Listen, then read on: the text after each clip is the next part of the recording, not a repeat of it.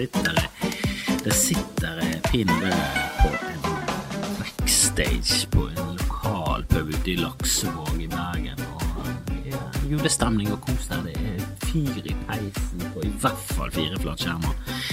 Og, eh, og det er kult å se at byen vokser. Jeg liker det. Jeg liker når eh, byer vokser, når kultur Og jeg regner pub som kultur. Pub er kultur. Sånn er det bare. Her kan du gå og eh, fjase med naboen, du kan gå og henge med kidsa, du kan spille shuffleboard. Altså, det er så nydelig å ha et sted å gå, ta seg en pils, og spesielt når det er i nabolaget. Det burde vært mye mer av. Det, det, det, det savner vi. Ute i Fana har vi lite av det. Det er lite nabolagspuber ute i Fana. Det er masse folk. Det er et eller annet som ikke stemmer. Vi må få mer nabolagspuber rundt omkring i Norge. Det er det vi trenger. Det er det, det, er det vi skal leve etter oljen. Nabolagspuber, det hadde vært digg. Fikk jo selvfølgelig et stygt blikk av en eh, nabolagspub. Eh, ja, hva skal vi kalle han? Alkis er vel eh, stigmatiserende, men fyllik er ikke noe bedre, det heller. Og han var begge deler. Herregud, så ut som han hadde sittet der siden 1972. Helvete, han ga meg et uh, Han ga meg et blikk som nesten sendte meg tilbake igjen uh, til Fana, men, um, men jeg gikk forbi, og nå sitter jeg liksom i, i baklokalet til den puben og venter på kaffe og skal gjøre en jobb. En, en, en, en jobb som jeg nå har litt forhåpninger til. Jeg var inne i et jævla fett lokal, altså minnet meg veldig om eh, det lokale som, som var i Fabrikken. Eh, hvis dere hører på Dag eh, Sørås sin podkast, så snakket han nettopp om det lokale. For dette minnet litt om det. Det var et lokale som lå nede med Akerselven i gamle dager, like ved Blå der. Og det var der meg og Dag fikk lov til å, mm, å varme opp for Doug Stanhope i sin tid, og det var ingen slags eh, håndplukking av eh, verken, eh, den ene eller den andre. Vi, vi, kjente han som arrangerte det. Eller Dag kjente han så vidt. Han eh, murte til og fikk eh, Doug Stanhope over, for for han hadde rett og slett bare lyst til å se Doug Stanhope, og han syntes det var like greit å bare booke han over til Norge som at han skulle fly til New York og se han alene. Så tenkte han hvis jeg kan bare fly han over og gå inn i Even Steven, da så kan i hvert fall vi vennene våre se. Så kan vi få en gøy, gøy, tid, og så kostet det oss egentlig ingenting. Det koster jo penger å reise, og det er sånn Taper jeg 12 000 på det, så er det det det hadde kostet meg å se den i New York. Så, hvorfor ikke det flere sånne som tenker sånn at vet du hva, istedenfor å se Wu-Tang Clan i, på Long Island, booker det. Booker hele jævla orkesteret til Stjørdal. Og hvis det går 100 000 i minus, ja, så får det så være, men vi fikk nå i hvert fall en jævlig gøy reise.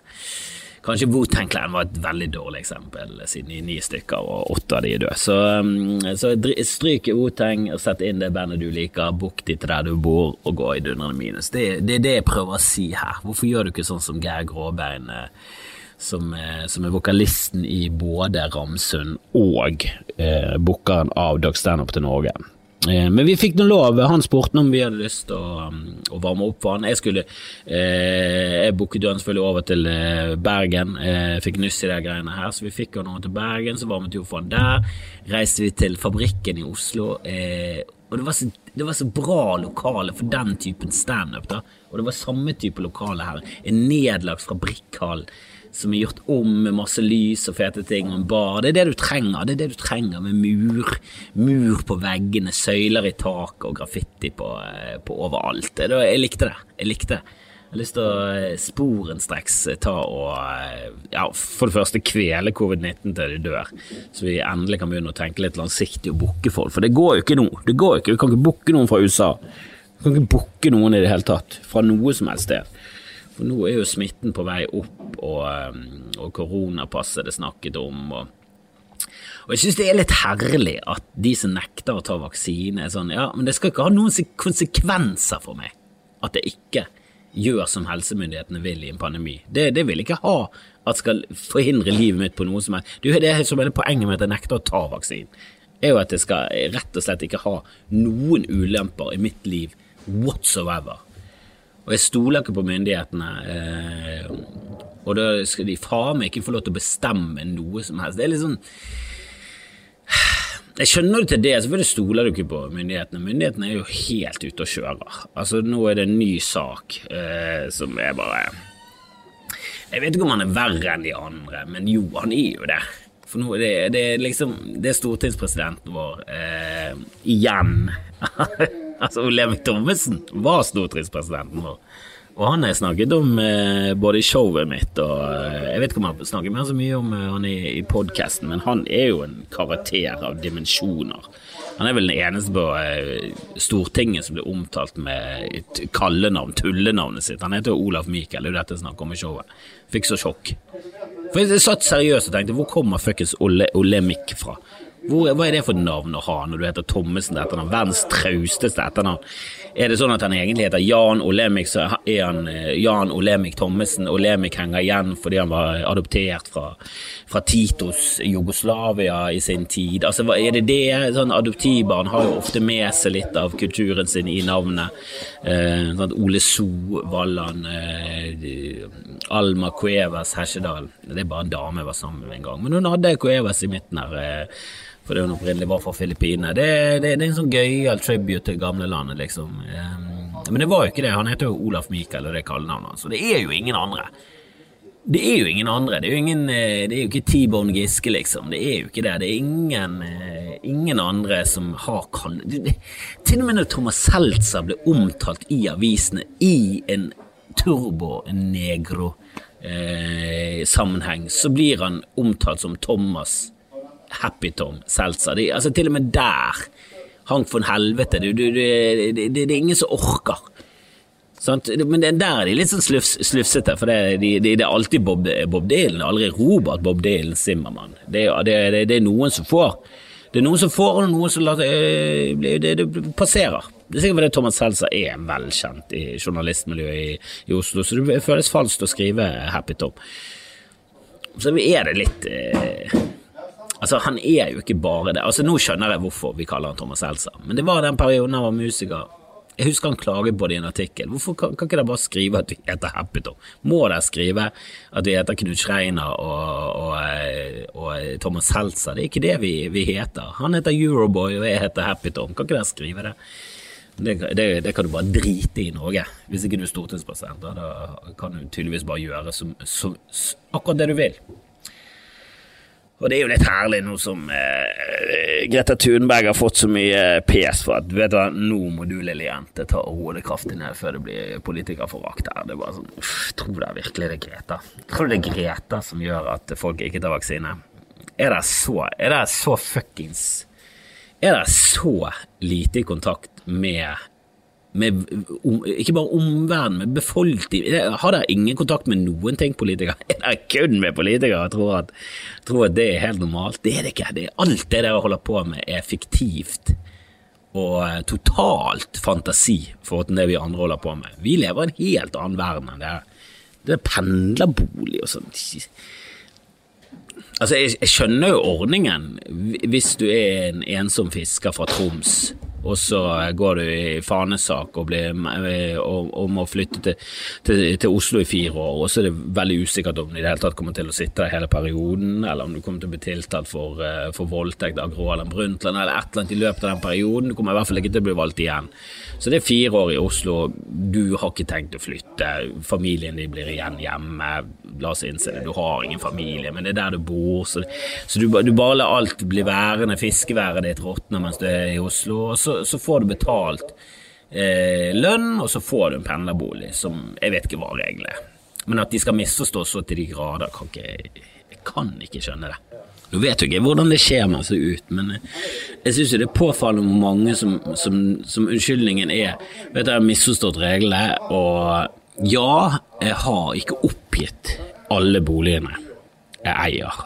Og jeg har jo selvfølgelig ikke oppgitt den som er nærmest Stortinget som gjør at det, Jeg ser jo nå at det er den som hadde diskvalifisert meg fra å få pendlerbolig, da, og den den er faktisk den eneste jeg ikke har oppgitt. da. Så jeg har oppgitt de andre. Jeg har oppgitt at, at jeg bor i Trondheim, at jeg leier der. Jeg har oppgitt det.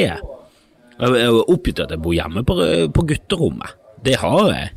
Jeg har dessverre glemt å oppgi at jeg har den leiligheten i Oslo sentrum. Men vet du hva?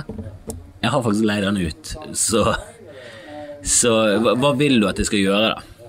At jeg skal oppgi den som jeg leier ut til noen andre og tjener penger på, og, og si at jeg har den, sånn at jeg ikke får penger. Altså, jeg bare skjønner ikke at at de tror at det er en god unnskyldning i det hele tatt, at du har misforstått reglene. Det er jo du som er med og lager reglene, det er jobben din. Du lager reglene for samfunnet. Forventer du noen andre i samfunnet skal kunne disse reglene bedre enn dere som lager de? Veldig dårlig argument. Vet du jeg mister det er så helt umulig å skjønne disse reglene som politikere har laget. Altså, det er helt det er banna bein. Altså, hvordan skal vi klare å forstå disse reglene som vi har laget? Da? Er du helt åndssvak i hodet ditt? Tror du det er noen av oss som forstår de reglene? De er så kompliserte. Altså, Reglene er at du skal ikke ha egen bolig innenfor en 40 km radius. Og jeg, jeg, vet ikke, men jeg, men jeg skjønner jeg skjønner puckhold av den regelen. Hva mener de? 40 km? Er det, er det, er det kvadratkilometer? Er det kvalitetskilometer? Hva står den K-en for i det hele tatt? Altså, jeg vet at det er meter, men hvor mange? Er det, det, er helt umulig å forstå dette. Er det Fahrenheit? Er det målt i Fahrenheit? Må jeg, må jeg konvertere? Hvor mange Fahrenheit-meter er det i en kilometer? Altså, nei, jeg, jeg vet da faen. Jeg vet hva, det, det, det, er nok av, det er nok av eh, folk som har vitset om dette, selvfølgelig, og Twitter er full av de samme jokesene. Om igjen og om igjen og om igjen. Hvordan, hvordan kan du forklare det for mannen uten å ha bodd hjemme hos Trond Giske i seks år, da? Ja da, vi skjønner at Trond Giske hover over damer, og det var en gøy greie der, men kan ikke du bare sjekke om noen har tweetet om det før? Kan ikke, kan ikke du sjekke om den vitsen er tatt, og så, og så tar vi det derfra? Må alle få 140 likes på den samme vitsen? Øh, jeg bare, jeg bare, bare Det er sjokkerende. Det var så sjokkerende under Ropstad, for det var så svindel fra A til Å. Men dette er jo enda verre, for dette er jo etter Ropstad-saken har rullet og gått, og Arbeiderpartiet var ikke nådig i kritikken. Hva tenkte de? Hva tenkte hun?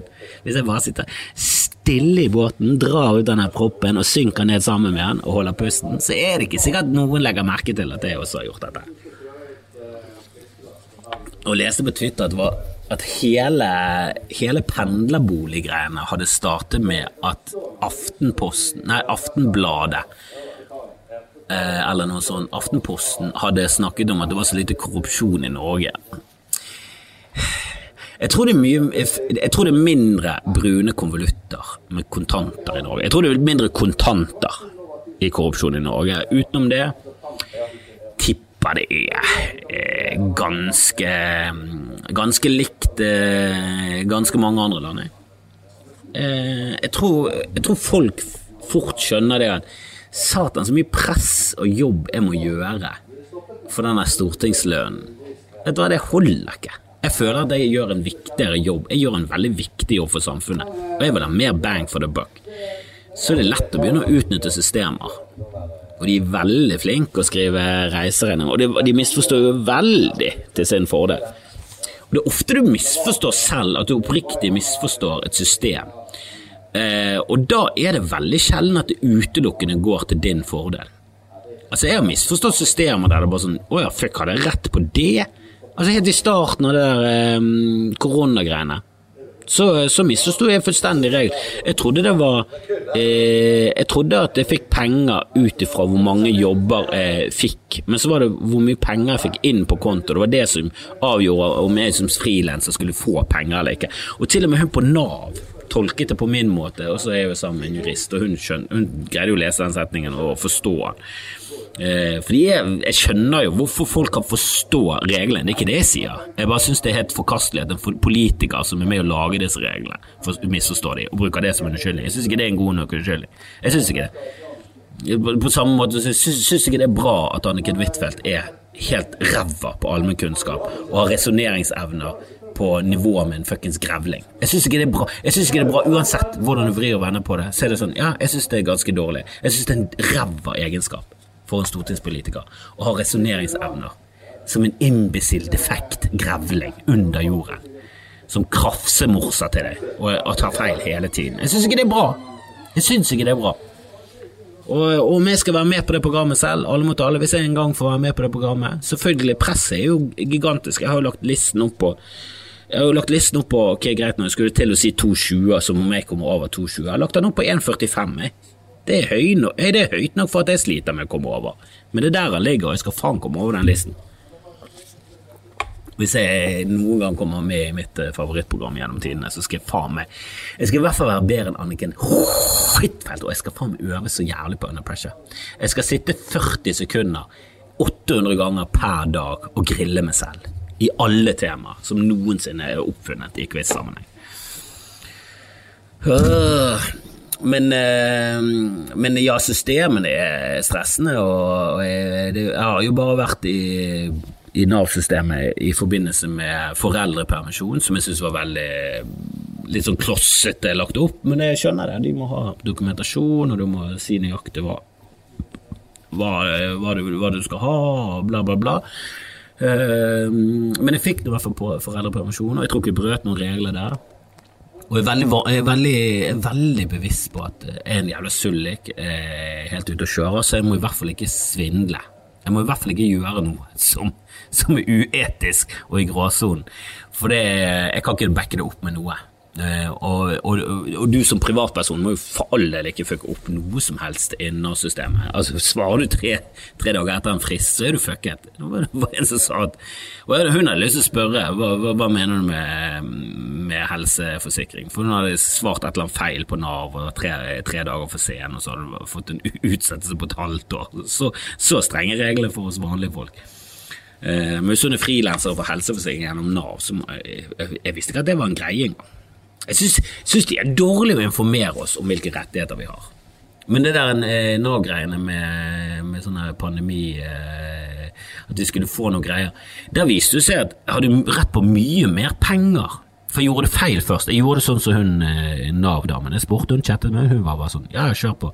Det er hvor mye penger du får inn på konto. Så sånn Ok, jeg har ikke fått inn noen penger. Jeg får ingen penger i mars. Jeg får ingen penger resten av året sannsynligvis. For alt er jo stengt ned. Alle jobbene mine er jo gone. Så, så da, da, søker jeg om å få resterende pengene eh, i denne måneden. Da, sant? Det blir jo stengt ned 14. mars eller et eller annet sånt. Så viser det seg at fordi at jeg hadde vært hjemme med min sønn og tatt vare på han fordi barnehagen var stengt, der kunne jeg få omsorgspenger. Og det var casheroonies, det var der pengene lå. Omsorgspengene, det er de du skal ha tak i.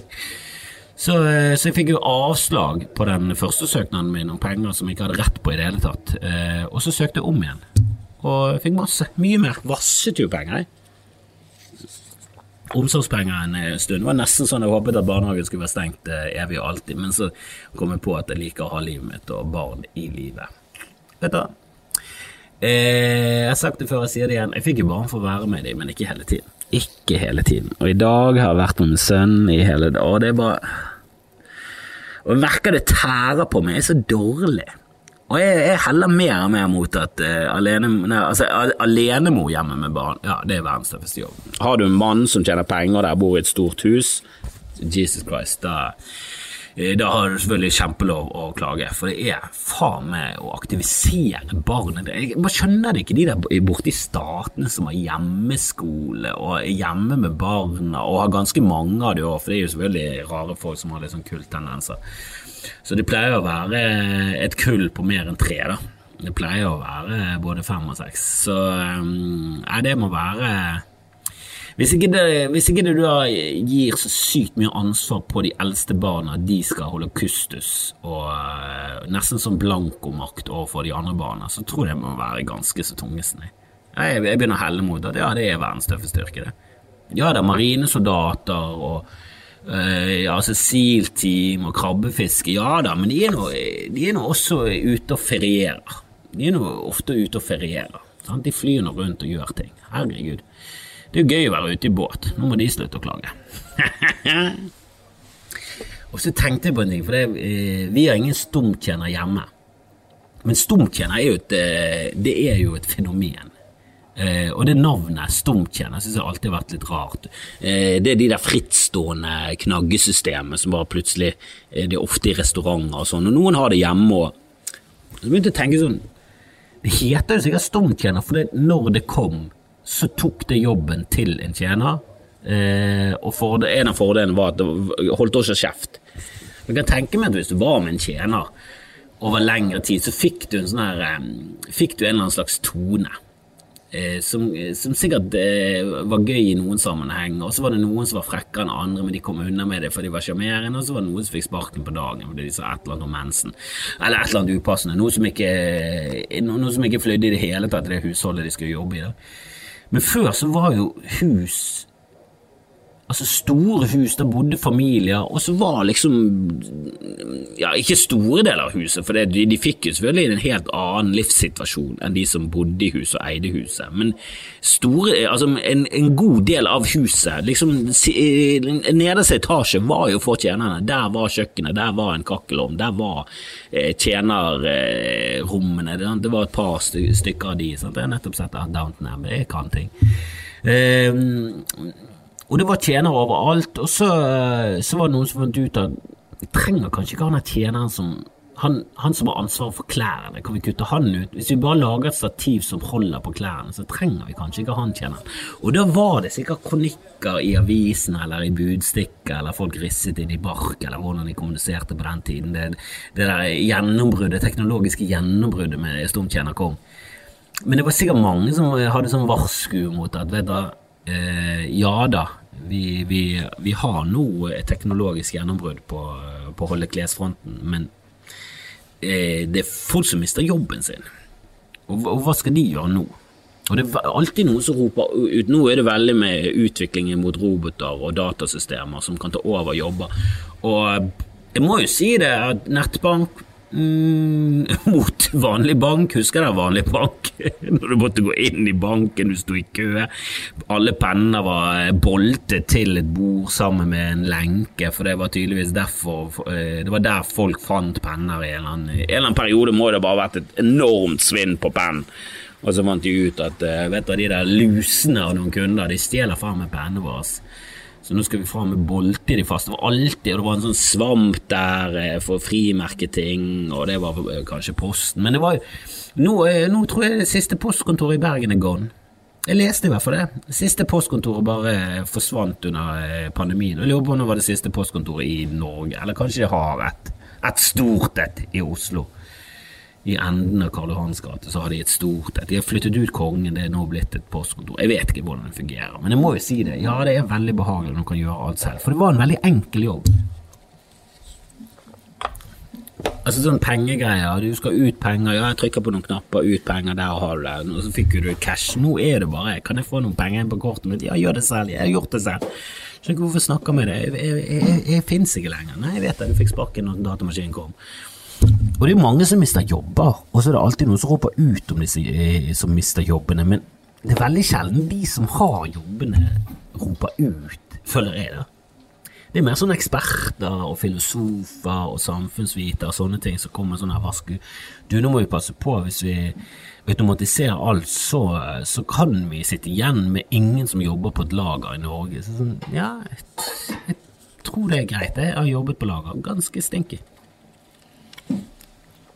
Å ha sånne jobber er sikkert det er nødvendigvis verdens undergang, for det kan være litt digg å ha sånne jobber. Det spørs hva du hvilke interesser du har, og hvordan du lever, men eh, jeg syns ofte sånne jobber kan være deilig. Mm, altså, jeg er glad for at jeg hadde sånne jobber da jeg var liten, eh, altså når jeg var fra sånn 16 til et par og 20. At jeg hadde masse sånne Jobbet i butikk, jobbet på gatekjøkken, jobbet på et lager, jobbet på vaktmester, klippet plener, grafset i sånne eh, takrenner, gjorde mye drit. Altså med sånn oh, Jesus Christ, nå vet jeg Nå vet jeg hvordan det var, det var ikke noe gøy. Og de jobbene, at de forsvinner, er det Er det så ille? Altså, nå, nå nå er det nesten sånn at uh, vet du hva, Hvis vi finner opp en robot som kan grave, så kan det være de der barna i Afrika mister jobben i den gruven. Og jeg, Burde vi det? Hva skal disse barna gjøre? Noe annet. Hva med å gjøre noe annet? Hva med om vi bare fikser fuckings samfunnet vårt? Vi, det er ikke det på tide å finne på noe annet enn det kapitalistiske systemet? Jeg har mast om det før, og jeg kommer ikke på noe godt selv. Jeg syns Borgerland høres fjernt ut, men jeg har ikke satt meg inn i det. Men er det ikke et eller annet eh, alvorlig gale? Altså, det, det, jeg syns det systemet bare Det bare destillerer eh, grusomme folk inn i viktige stillinger i samfunnet. Du ser jo det på politikerne. Det, hadde det vært én Og det er ikke så mange politikere, det må sies. Altså, det er ikke så mange stortingspolitikere. Og hadde det vært to av de som misforsto de reglene, og det viste seg at de svindlet, eh, og så ble de satt i fengsel, så hadde det vært én ting. Men det er jo, nå er det så mange at skal vi fengsle alle, så er det et problem. Det er jo, det er jo et alvorlig samfunnsproblem hvis vi må fengsle alle, for da har vi Da er liksom 10% av Stortinget vekke. Altså, det er jo for altfor høye tall som har svindlet på ett punkt. Én liksom gode som de får, eh, og så er det mange som har svindlet på reiseregninger. Så det er pendlerbolig og reiseregninger som er veldig sånn Å, nei! Og de der reiseregningene Å, det viste seg at hun ikke hadde vært i Kristiansand den dagen. Hvordan kan du skrive av en reiseregning? Der du ikke har engang vært på stedet du skriver, Hva er dette? Ber du søsteren din ta med seg regninger fra Kristiansand, som bare sånn i tilfelle det passer inn, og at du kan skrive den av på en eller annen måte? Altså, Hvor mye svindler dere egentlig? Det er skremmende. De må, jo, de må jo holde seg et høyere nivå enn oss andre, og så er de verre.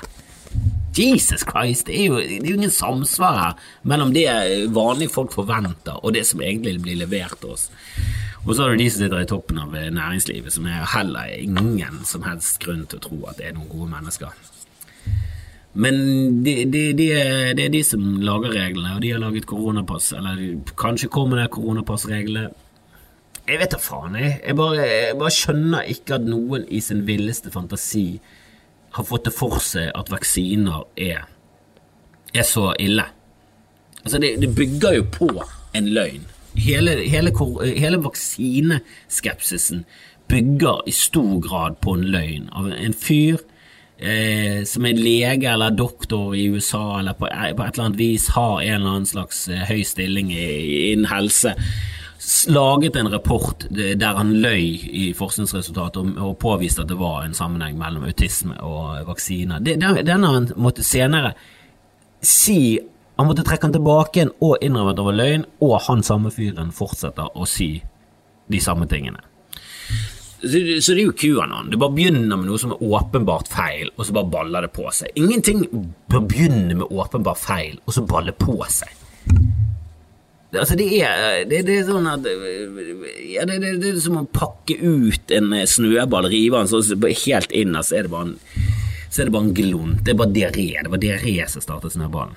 Jeg vet ikke om det var en god eh, sammenligning. Det var en horribel sammenligning når jeg tenker meg om. Men, men, jeg skjønner kanskje hva jeg prøver å komme frem til. Du, du kan ikke bygge noe når grunnmuren er en total feiltagelse, eller og, og, i beste tilfelle en feiltagelse, mest sannsynlig løgn.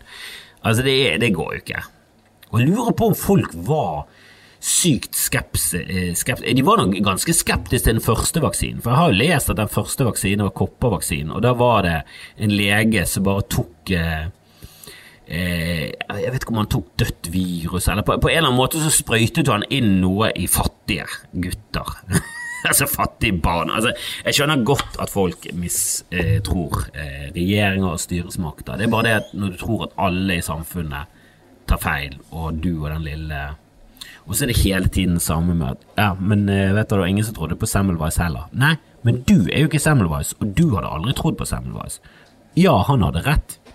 Det var noe i kroppen som vi ikke så, det var små ting, og de hadde bakterier, og det viste seg at de var livsfarlige. Så ikke, ikke operer på lik før du skal ta imot uh, babyer fra, fra, fødende rike fruer i Østerrike. Det, det viste seg å være riktig. Han jobbet jo, eh, eller Ungarn, eller et eller annet. Semmelweis, jeg lurer på om det var Østerrike. Men han jobbet i hvert fall på sykehus, han så eh, linken mellom, eh, mellom å obdusere lik og Og det var ikke det han så først. Det var ikke først, altså Første teorien hans var liksom å sjekke om det hadde noe med den bjellen som de bjellet i gangene eh, når, når, de, når, de, fødet.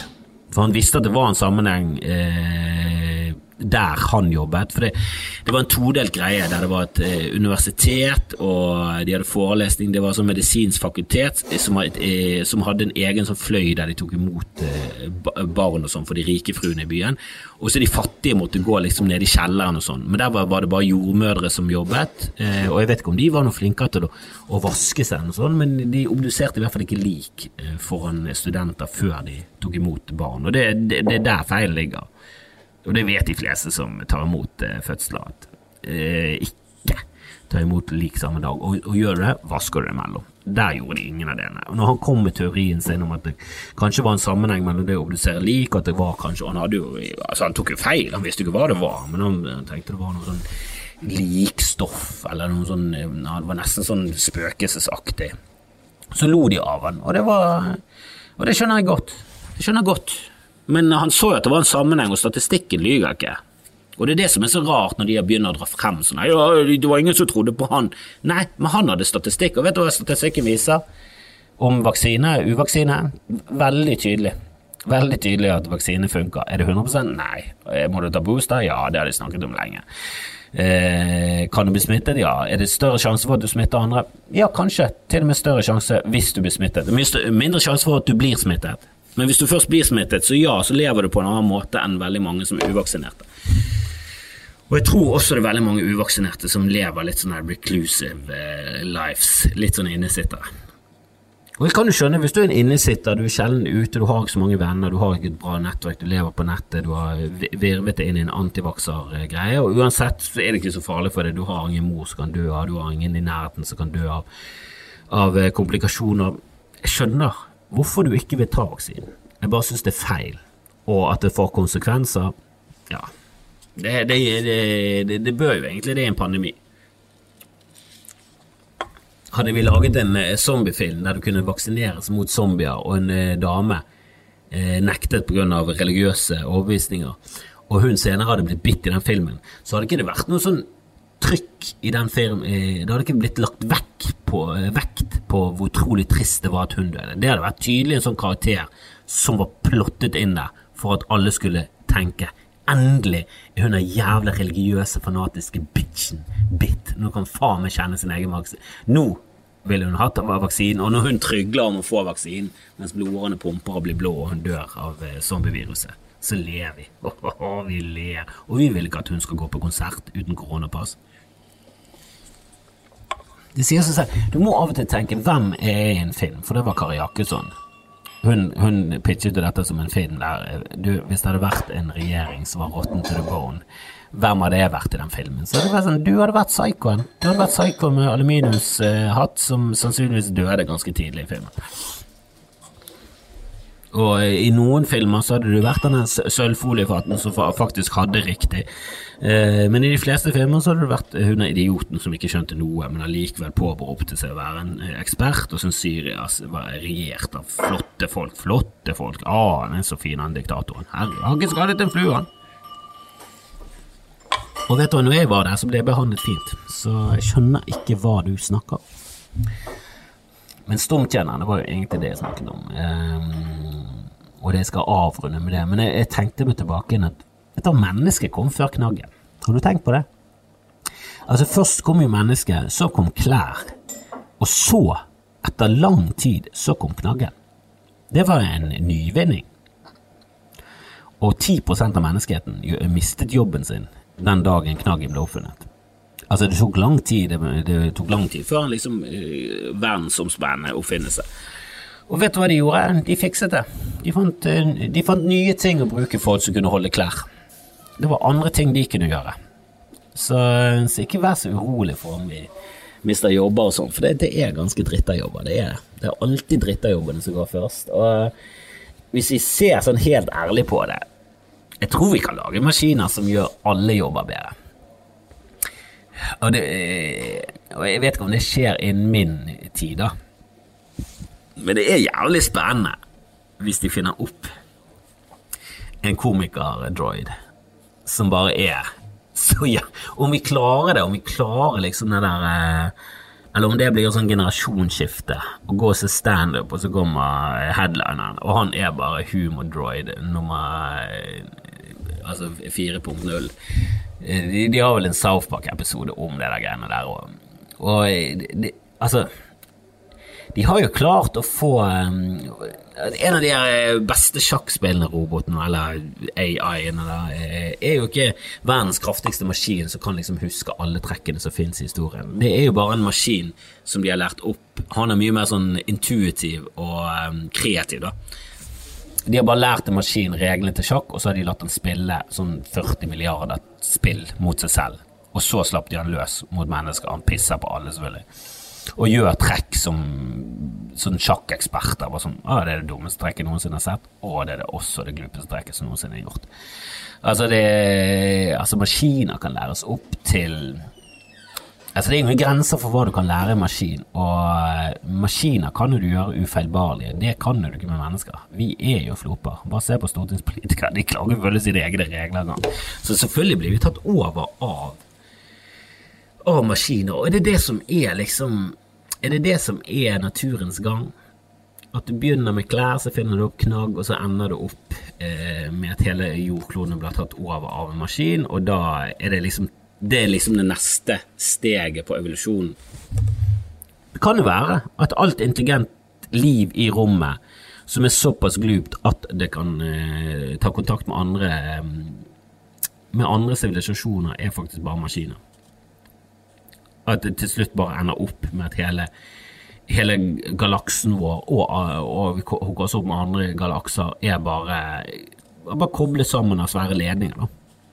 For det går jo en ledning fra USA til Europa med internett, og jeg syns jo det er helt absurd. Jeg visste ikke om dette før i voksen alder, men når du tenker over det, så er det sånn, selvfølgelig, det må jo være en slags forbindelse. Jeg bare syns det er så absurd å tenke på at det er én ledning, og det er flere av dem. Liksom syv ledninger fra USA bort til Europa, og at det går med lysets hastighet. Det er helt absurd for meg. Men er det, er det egentlig noen ting som stopper eh, stopper eh, solsystemet fra å bli koblet sammen? og galakser fra å bli koblet sammen? Er det det som er enden på visen? Jeg vet ikke, men maskiner finner nok ut, for vi Og det er litt kjipt å tenke på at min Amiga 500 om tusen år blir funnet på loftet hos min mor. og jo masse Masse Jeg vet da faen. Men at de finner noe som jeg har hatt som en sånn eh, spillmaskin, og så er det maskiner som finner, så kobler de den opp, og så plutselig så lever Amiga 500 min videre mens jeg er død.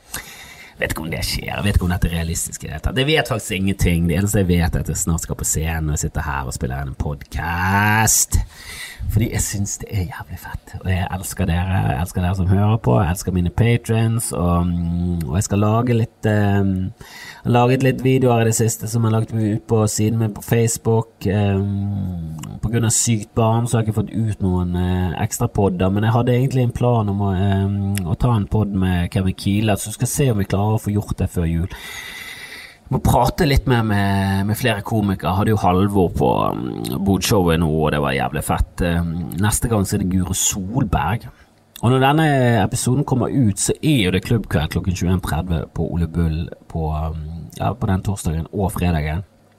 Eh, med masse bra folk. Jonny Bayer og Thomas Sævik. Eh, Harald Olsen, Kristine Johanne Sandvik, Alexander Bastiansen, Nils Wergeland Krogh, Tor Inge Ulveseth. Det er mye bra folk, så, så gå og sjekk ut eh, vårt nye hjem, Ole Bøll. Eh, få med deg noen klubbkvelder eh, hvis du har vaksinert deg, og hvis ikke, så kan du kose deg med podkast.